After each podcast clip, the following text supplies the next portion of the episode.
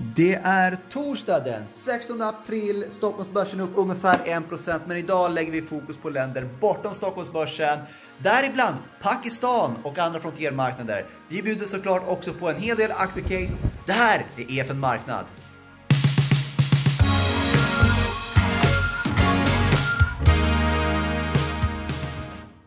Ja, för att prata om frontiermarknaden så har jag såklart med mig Mattias Martinsson. Eh, varmt välkommen. Hur går det med coronafallen i dina länder som du bevakar? Ja du, alltså vi har ju, det har varit tufft som, eh, precis som i den utvecklade delen av världen. Eh, vi har eh, eh generellt sett en ganska, ganska unga befolkningar, vilket är positivt. Och samtidigt mm. så har du ett eh, hälsosystem som är betydligt mindre utvecklat än vad det är i, i våra länder. Eh, så, att, eh, så att än så länge skulle jag säga att det är ganska så kontrollerat. Eh, men eh, alla våra länder är i någon form av lockdown, vilket kommer innebära att i princip första halvåret försvinner i termer av omsättning och vinster. Och vi ska ju också lägga lite med fokus på Pakistan. Hur går det i just Pakistan? Eh, Pakistan är, eh, man har just nu ungefär 6000 fall och det ökar med ett par hundra om dagen och det ska ju ställas då mot en befolkning på cirka 200 miljoner människor.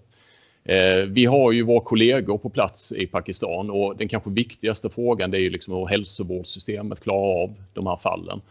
Och där är det än så länge lugnt på sjukhusen. De har god liksom, extra kapacitet. Eh, man inledde sin lockdown 1 april. Eh, sen har man gradvis lättat lite grann på den, eh, framförallt för livsmedelsindustrin, för paketeringsindustrin och nu även cement och byggindustrin. Så att man kör väl en variant någonstans mellan Spanien, Italien och Sverige. Alltså, det vill säga inte hel, helt full lockdown. Och vi ska ju kika på hur ekonomierna förväntas gå. Vi fick en ganska färsk prognos från IMF där Eh, länderna du bevakar förväntas, även om de förväntas backa BNP-mässigt just i år, så är det liksom som hela världen. Däremot väntas det bli en ganska stark revansch, en rebound 2020. Eh, hur trygg är du med dessa siffrorna? Är det här ett, hur säkra är de här siffrorna? Jag tror prognoserna är ju ganska så färska. Eh, de har cirkulerat och skulle jag säga att de just nu då ses som kanske det bästa estimatet på de här marknaderna. IMF som har gjort dem har ju generellt sett en god insyn. Eh, det man kan konstatera är ju så här att eh, om man tittar på världen som helhet så förväntas BNP tappa ungefär 3% På tillväxtmarknaden så förväntas bli ungefär 1 negativ tillväxt. Eh, våra länder generellt så är det egentligen både Bangladesh och Vietnam eh, och Egypten förväntas ha en positiv tillväxt fortfarande, 2-3 procent. Medan Pakistan, eh, Sri Lanka eh, och Nigeria förväntas eh, komma ner kring eh, minus 1 till minus 3 procent.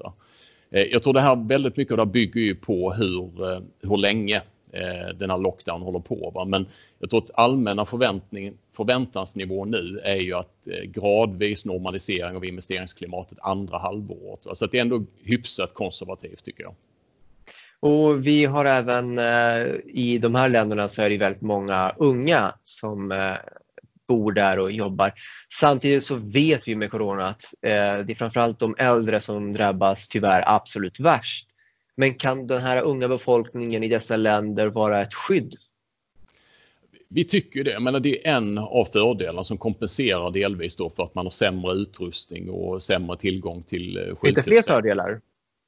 Ehm, alltså det finns eh, generellt sett kan man säga så här att om du, om du tänker på de här länderna och de liksom svårigheter som de går igenom så är det inte, det är inte riktigt samma chock för en frisör till exempel i, i Pakistan eh, att behöva stänga sin salong i en månad, för det har han gjort förr. Va?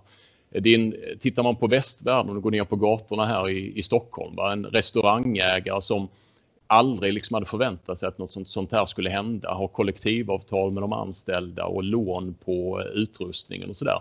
För dem är det en ekonomisk katastrof. Eh, I våra länder så har man varit med om det här förut va? med en, två månader så kanske till och med tre månaders nedstängningar.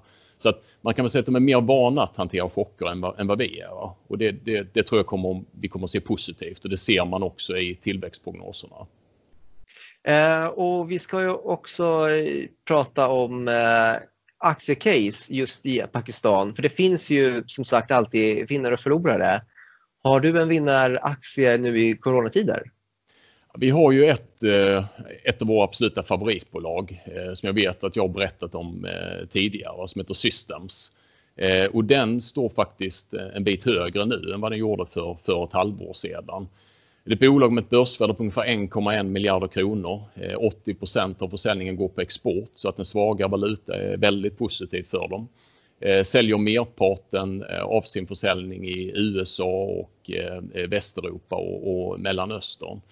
Ägs nästan uteslutande av de anställda, över 80% av bolag, vilket gör att man har bra incitament att växa vidare. Sen har man en, en ny eh, del som jag inte nämnde förra gången jag talade om dem, som är ett mobilbetalningsbolag eh, som heter OneLoad.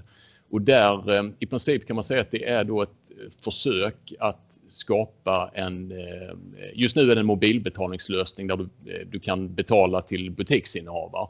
Men nu, nu utökar man den här tjänsten till att även att du ska kunna betala mellan konsumenter. Och Världsbanken gick nyligen in och köpte 20% av bolaget. Och den senaste gången Världsbanken gick in och köpte eh, aktier i ett, eh, i ett eh, mobilbetalningsbolag i, i de här länderna, det var i Bangladesh när de köpte ett bolag som heter Bcash och Bcash är idag värt en miljard dollar nästan. Så att, eh, och det ska jämföras med värderingen på System som idag är ungefär 100 miljoner dollar. Men kan man jämföra det här med till exempel eh, Tencents WeChat Pay eller Alibabas Alipay som en, deras mobilbetalningar? Är det målsättningen, ambitionen? Alltså, jag tror så här att du kommer att ha väldigt många olika bolag som alla kommer liksom ta eh, marknadsandelar från, eh, från framförallt bankerna eller kanske ännu mer att de hjälper alla de här människorna som inte har något bankkonto att liksom komma in i elektroniska betalningar. Eh, så att jag ser inte dem egentligen som konkurrenter men du, du kan ju definitivt se liksom liknelserna. Va?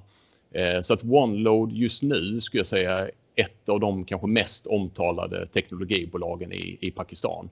Och det är ingenting riktigt som vi har eh, det är för tidigt att sätta liksom finansiella prognoser på det, men det kan bli ganska spännande efter att Världsbanken gick in som aktieägare. Det låter ju hur spännande som helst. Vet du vad? Jag tycker att vi ska gå på lite Twitterfrågor. Vi har fått en hel del eh, tittarfrågor på Twitter. Ska vi börja med kapitalistisk klimataktivist som eh, gärna vill ha ett ESG-case ifrån dig. Kan du ja. bjuda oss på något ESG-case från några av dina länder? Um, absolut. Uh, man kan säga så här att ett, jag tycker ett kul case som är kanske mer vad ska man säga, praktisk hållbarhet Eh, är ett bolag vi äger på Sri Lanka eh, som eh, jag ibland brukar kalla Sri Lankas ICA. Och det är alltså den ledande matvarubutiken. Mat, alltså matvarubutikerna är ungefär 80 av omsättningen. Och sen har man dock även egen livsmedelsproduktion.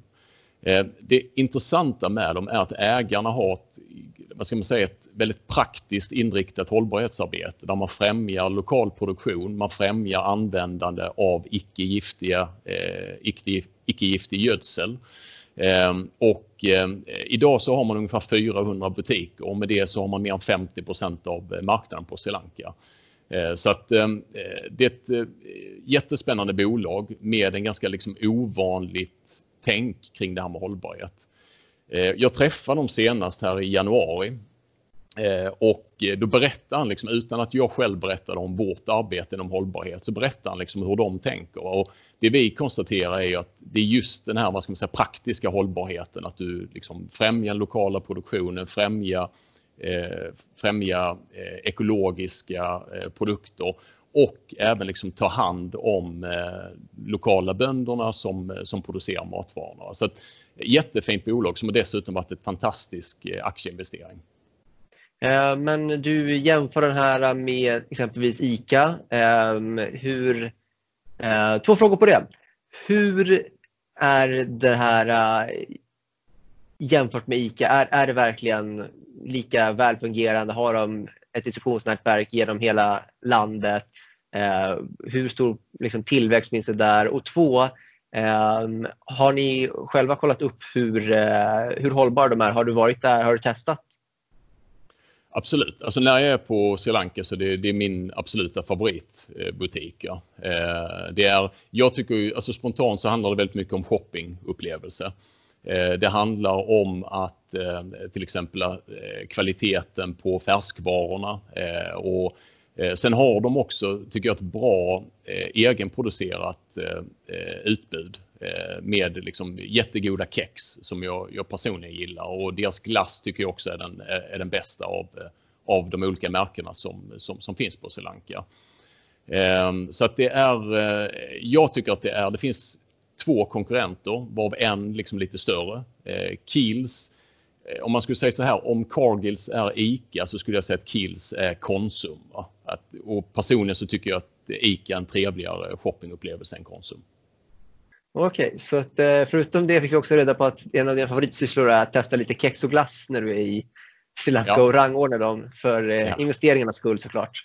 Eh, vi ska även gå vidare. Vi har fått en hel del tittarfrågor.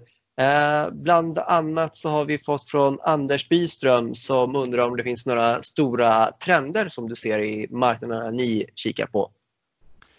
Ja, alltså Eh, du har ju våra, om man säger våra länder kan man ju säga så här att det, det är stora befolkningar, det är unga befolkningar. Eh, det sker en liksom, inflyttning till städerna varje år. Eh, folk som liksom, får anställning i de bolag som växer fram. Vi gillar ju väldigt mycket bolag som gynnas av den här vad ska man säga, demografiska utvecklingen.